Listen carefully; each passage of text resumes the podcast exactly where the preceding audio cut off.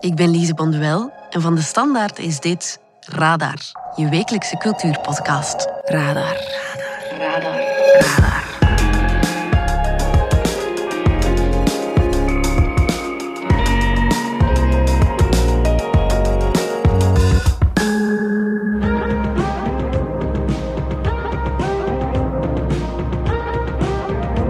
Ik durf erom te wedden dat je dit de laatste tijd overal hoort. Running Up That Hill mag dat wel een absoluut ethisch nummer zijn. Het is vandaag opnieuw een dikke hit. Kate Bush is plots een gigantische TikTok-hype en meteen ook een miljoentje rijker. Ze staat op nummer 1 in acht verschillende landen met een hit die 37 jaar oud is, jawel. En dat heeft alles te maken met het nieuwste seizoen van de Netflix-serie Stranger Things.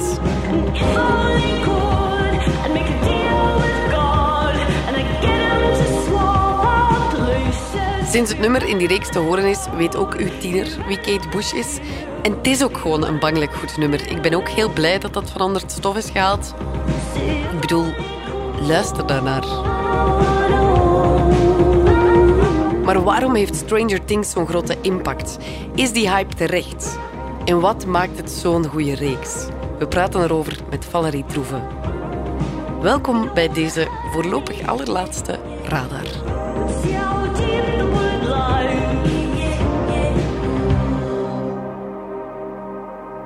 Valerie, het is geen geheim dat wij alle twee best wel grote fans zijn van Stranger Things. Maar voor wie er nog nooit van heeft gehoord, geef eens een spoedcursus Stranger Things. Stranger Things is op dit moment de grootste hit van Netflix. Het is een serie eh, die aan zijn vierde seizoen toe is ondertussen. Ja. Deze week vrijdag is het tweede deel daarvan gelanceerd. Hij is bedacht, geschreven en geregisseerd grotendeels door de Duffer Brothers. I'm Ross Duffer. I'm Matt Duffer. Matt en Ross Duffer, And uh, yeah, we created Stranger Things. een tweeling. Het is echt een levenswerk geweest. Ja, dat een zal hele, wel. hele lange zit eh, geweest voordat ze het hebben kunnen lanceren. Het is een coming of age, een tienerdrama zou je het kunnen noemen. Een reeks die zich afspeelt op een high school. Maar al dat tienerdrama is heel erg doordrenkt met 80s en horror. Ja, de horror is zeker naarmate dat het eh, verder vordert eh, al maar meer present. Ja, het is van alles op elkaar gestapeld, laat het mij zo zeggen. Ja, en het is geen klassieke high school reeks. Hè? Waarover gaat het? Laten we zeggen dat het eerste seizoen, we zitten nu aan het vierde, begint met een jongen, Will, die verdwijnt. 99 out of 100 times, kid goes missing. The kid is with a parent or a relative. What about the other time? What? You said 99 out of 100. What about the other time? The one! En zijn vrienden, Mike, Dustin, Lucas, gaan op pad om hem te zoeken. You know Will? Do you know where he is? Hiding. From who? Hij blijkt na- al heel snel in een parallele wereld, de Upside Down, verzeild geraakt te zijn. Maybe Will saw something that he shouldn't have. En misschien niet onbelangrijk, de Upside Down is eigenlijk een Ja, soort van onderwereld. parallelle wereld waarin duistere krachten de overhand nemen. It is a scary alternate dimension. A twisted version of our world. die wereld blijft eh, voortdurend invloed hebben op de gewone wereld waar dat de jongeren in, in leven. En voorts komen er monsters aan te pas.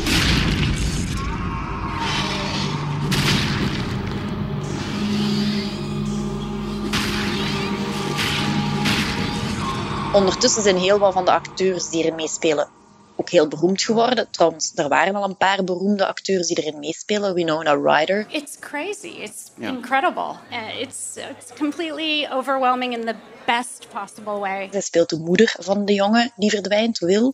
Maar de grote revelatie en breakthrough in deze reeks is Millie Bobby Brown. Yeah, I love it. Die echt een van de actrices van haar generatie aan het worden is. Ze speelt in deze reeks Eleven. Friend? What is friend? Een personage dat paranormale gaves en grote krachten heeft. En die heel belangrijk zal zijn om de wereld in evenwicht te houden en ook Will te redden. Wat maakt Stranger Things dan volgens jou zo succesvol? Wat heeft Stranger Things dat andere reeksen niet hebben? Om te beginnen is het een erg goed geschreven reeks. Hij is heel spannend. Je hebt de horror. Wat een genre is wat al maar populairder uh, is geworden de voorbije jaren en al maar breder is gegaan.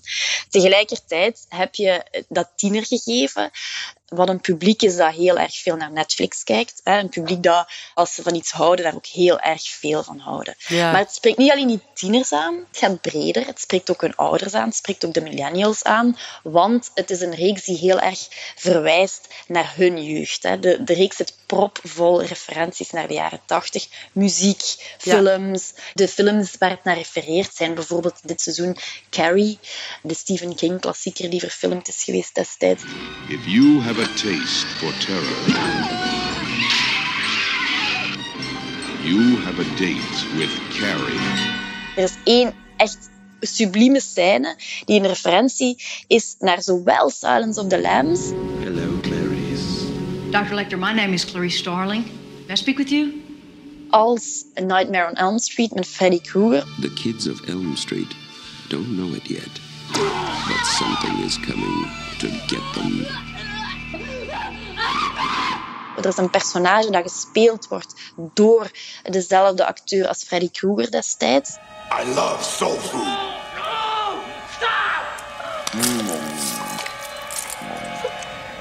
Bring me more. En die zit in een scène die heel erg aan de gevangenisscène met Anthony Hopkins en met Michelle Pfeiffer uit Silence of the Lambs doet denken. Did I survive?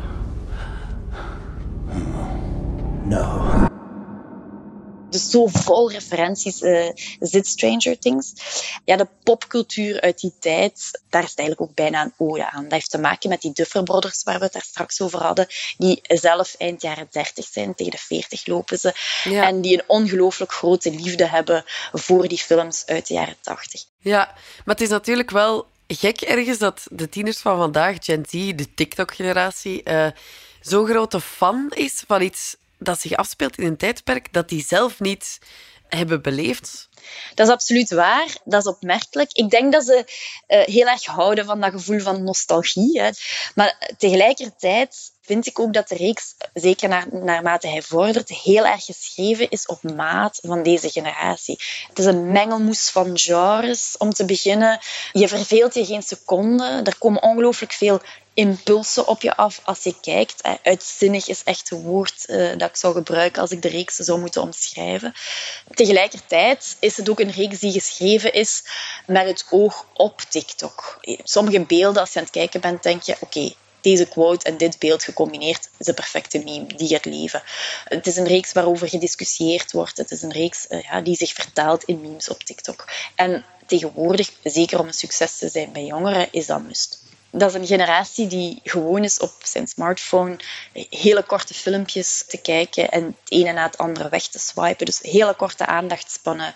Ja, dat zijn mensen die gewoon geen dode momenten in reeksen kunnen verdragen. Dan haken ze af. En die heb je niet in uh, Stranger Things. Het blijft je boeien. Ja, het beste voorbeeld daarvan is eigenlijk dat de hit van Kate Bush nu leeft op TikTok. Ja, je hebt het over Running Up That Hill. Dat is inderdaad opnieuw een hit geworden, hoewel het uh, ergens midden jaren 80 voor het eerst uh, als single uitgekomen is.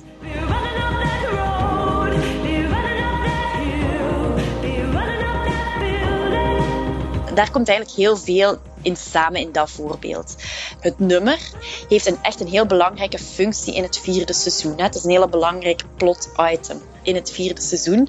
Dus daar hebben de Duffer Brothers en hun muziekbaas heel erg uh, zorgvuldig gekozen. Daar zou ook heel lang over onderhandeld zijn met uh, Kate Bush. Hè. Ze heeft daar ook waarschijnlijk fors wel geld voor gekregen. Ze weigert dit soort dingen meestal te doen, maar ze heeft het nu wel ah. gedaan. En we merken meteen in de eerste weken nadat Stranger Things het vierde seizoen online stond, is dat nummer beginnen gaan. Eerst op TikTok. Hè. Je moest TikTok maar open doen en alle memes hadden Running Up That Hill als soundtrack. Maar vervolgens hebben we dat ook echt gezien in de hitparades wereldwijd. Is dat nummer terug binnengekomen. Uh, ik las, zelfs op festivals. Is het zo, zelfs op festivals? Ja, ik denk dat elk festival waar ik nu al geweest ben, er wel een DJ is geweest waarbij dat er een remix van Kate Bush kwam tussen walsen. Ik denk echt dat dat de trend van de zomer gaat zijn. Dat kan ik absoluut geloven. Om aan te tonen hoe groot de kracht is van Stranger Things en TikTok samen.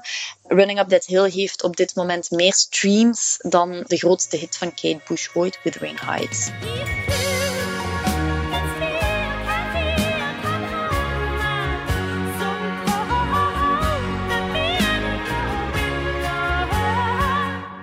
Dus het is echt het is een ongelooflijke motor voor uh, popcultuur, hè, die Stranger Things. Ja, we zijn suckers voor nostalgie, dat is het eigenlijk. Uh, ja, dat is ongelooflijk. nostalgie is een ongelooflijk belangrijke kracht voor televisie. Ja, die zit in heel veel geledingen van tv op dit moment. Hè. Dus er worden heel veel reboots gemaakt van oude reeksen. Er worden heel veel films gereboot van vroeger. Maar ook in dit soort reeksen wordt er teruggekeken naar het gevoel zo onschuldigere tijden, onze jeugd, tijden voor ons leven verziekt werd door sociale media, door polarisering. Er zit een soort gevoel van heimwee in naar toen alles nog simpel en beter was. En dat is een gevoel dat zowel resoneert bij oudere generaties als bij de jongere generaties die het ook wel moeilijk hebben om te navigeren in deze ja, harde tijden. Ja, en het plot is ook ongelooflijk spannend. Hè? Ik heb dat vierde seizoen nu samen met mijn huisgenoot gebinged met het idee, we kijken één aflevering per avond, maar uh,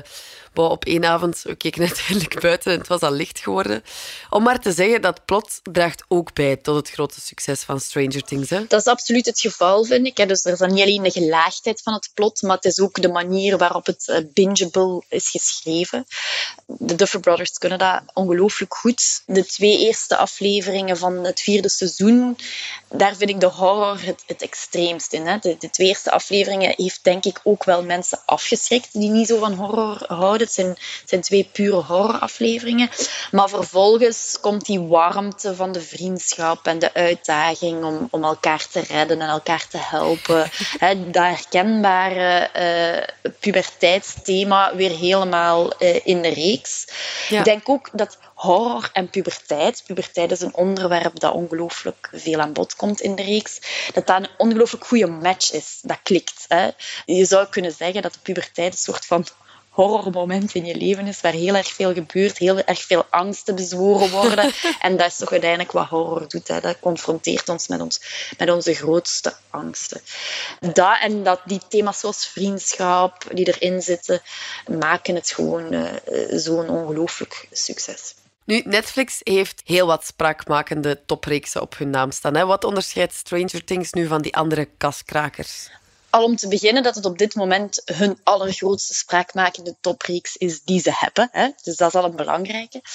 Uh, maar het is ook echt eigen werk. Het is een reeks die uh, in 2016 midden in de zomer gelanceerd is. Eigenlijk heel stiekem, hè, zonder dat er een grote uh, reclamecampagne aan vooraf gegaan is. Hè. We hebben dat destijds een, een hit op kousenvoeten genoemd, hè, die gewoon gereleased wordt en dan door mond-op-mond reclame en door de mechanismen van het internet heel groot is geworden. Stranger Things is a show that over the course of like a week, 30 people said, "Have you seen the show? Have you seen the show? Have you seen the show?" And I was like, "All right, I'll watch the show already." And then it's a great show and you understand why everybody's force feeding it on you. Sinds dit seizoen is het een enorme blockbuster. De cijfers zijn overweldigend.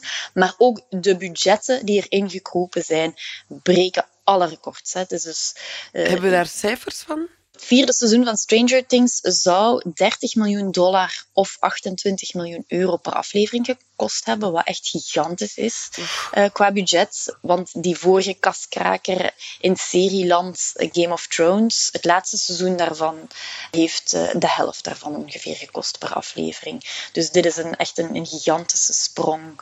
Je merkt het ook aan de productie. Hè. Het wordt altijd maar groter en, en, en meer blockbuster-achtig. Ja. Uh, elk seizoen is er budget bijgekomen en het is dit seizoen gigantisch geweest. Tijdens corona is ook duidelijk geworden hoe belangrijk die reeks eigenlijk is voor Netflix. Ja. Hè? Uh, dus wat, wat, is er gebeurd? Um, door corona zijn de opnames van dit seizoen en het volgende seizoen niet kunnen doorgaan. Die zijn uitgesteld geweest. Waardoor eigenlijk eh, vorige winter was er geen Stranger Things seizoen. We hebben de drie jaar op, het seizoen, op dit seizoen, op het vierde seizoen moeten wachten. Wat erg lang is.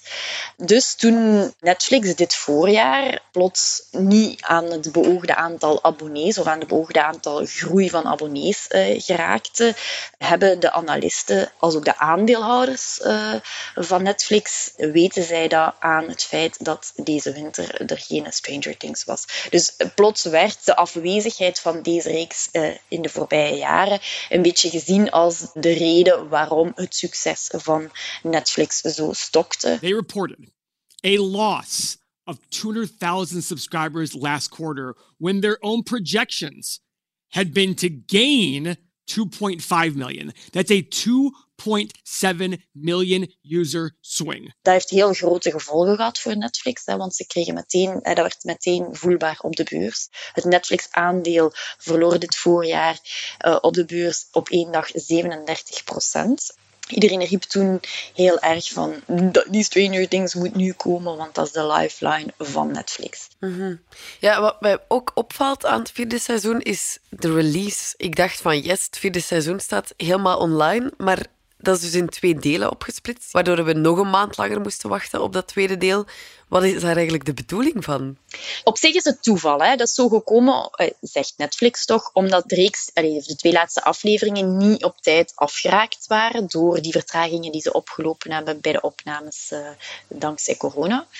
Maar natuurlijk, Netflix monitort alles. Zij zijn nu wel aan het kijken naar het feit van als wij een reeks niet meer in één keer lanceren, maar in twee keer, wordt die dan breder, beter, slechter bekeken. En de conclusie is toch, lijkt toch wel te zijn dat de reeks de aandacht van de kijker zo langer kan houden. Netflix is uh, de streamingdienst. Hij heeft eigenlijk eigenhandig binge uh, kijken, coma kijken op de radar gezet. De eerste reeks die uh, Netflix ooit zelf heeft laten maken is House of Cards.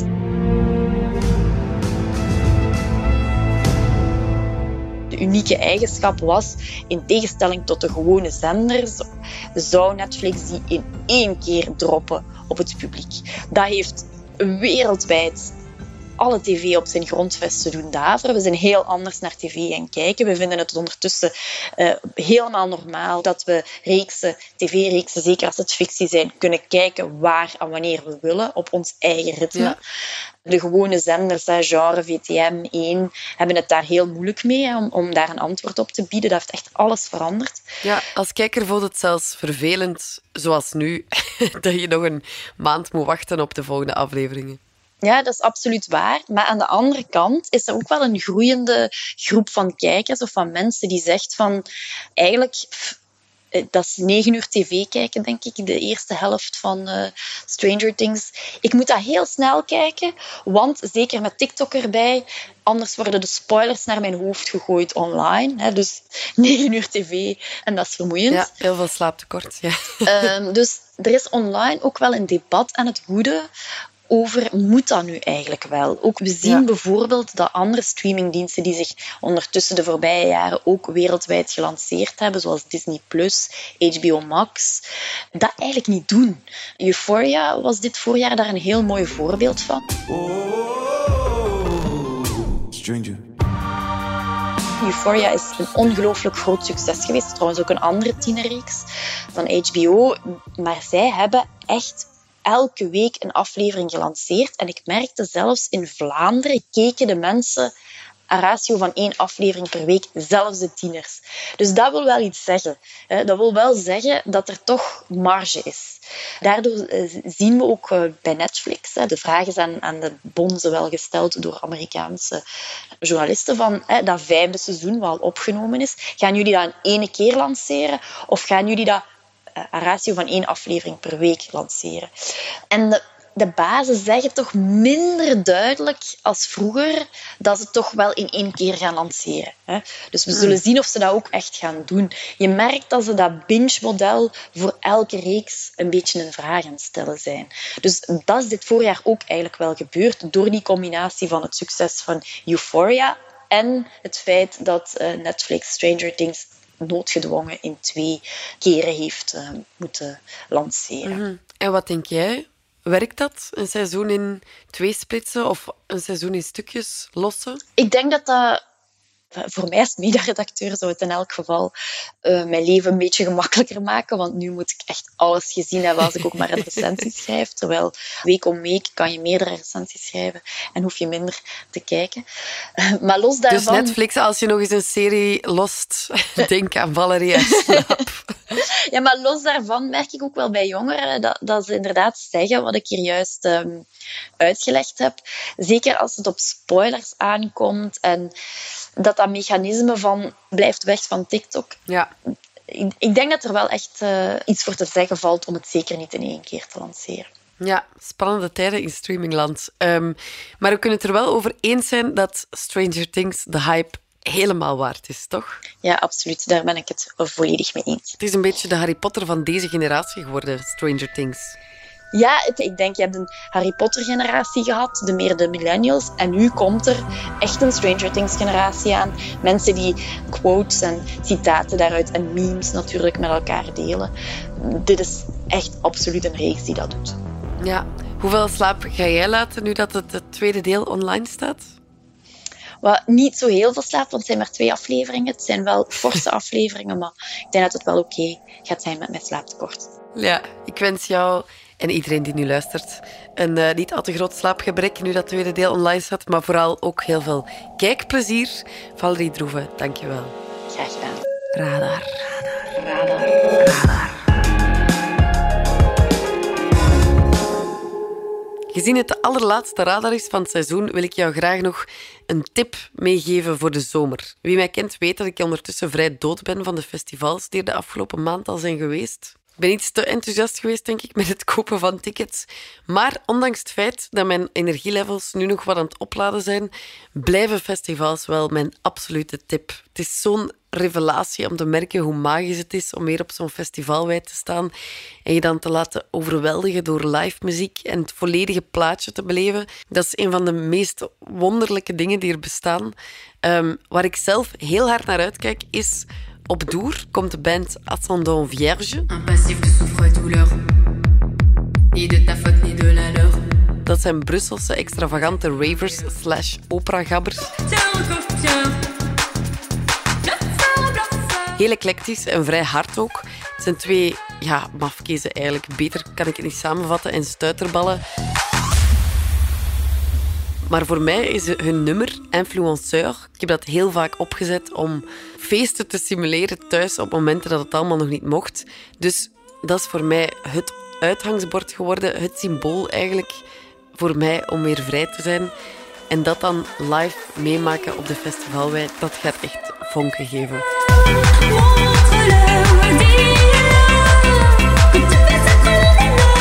Black Midi staan ook op Doer, zijn psychedelische postpunkers, zeer zwaar de moeite.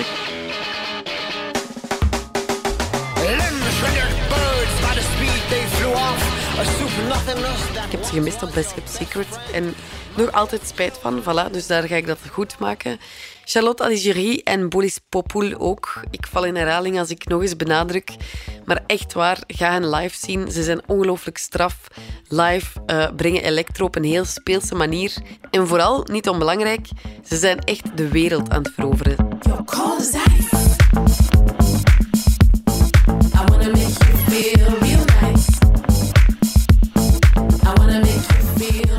Hebben nu een paar uitverkochte zalen gespeeld in de States. Ze zijn ook te gast geweest in het iconische Later with Jules Holland op de BBC. En in september spelen ze het voorprogramma van niemand minder dan Grace Jones in LA. Om maar niet te zeggen, ga hen checken in België nu je nog kan, voor we hen kwijt zijn aan het buitenland. Ze staan dus op Doer, maar ook op Pukkelpop en de Lokerse feesten. Sylvie Kreusch, een femme fatale die iedereen omverblaast op dat podium, staat deze zomer op quasi elk festival. Dus je zal al meer je best moeten doen om haar wel dat niet te missen, denk ik. En ik kijk uiteraard ook uit naar elke mogelijke remix van Kate Bush die je maar kan bedenken op de festivalwij.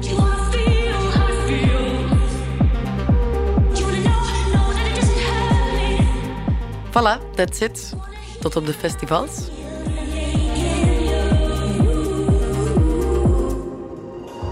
Radar. Radar.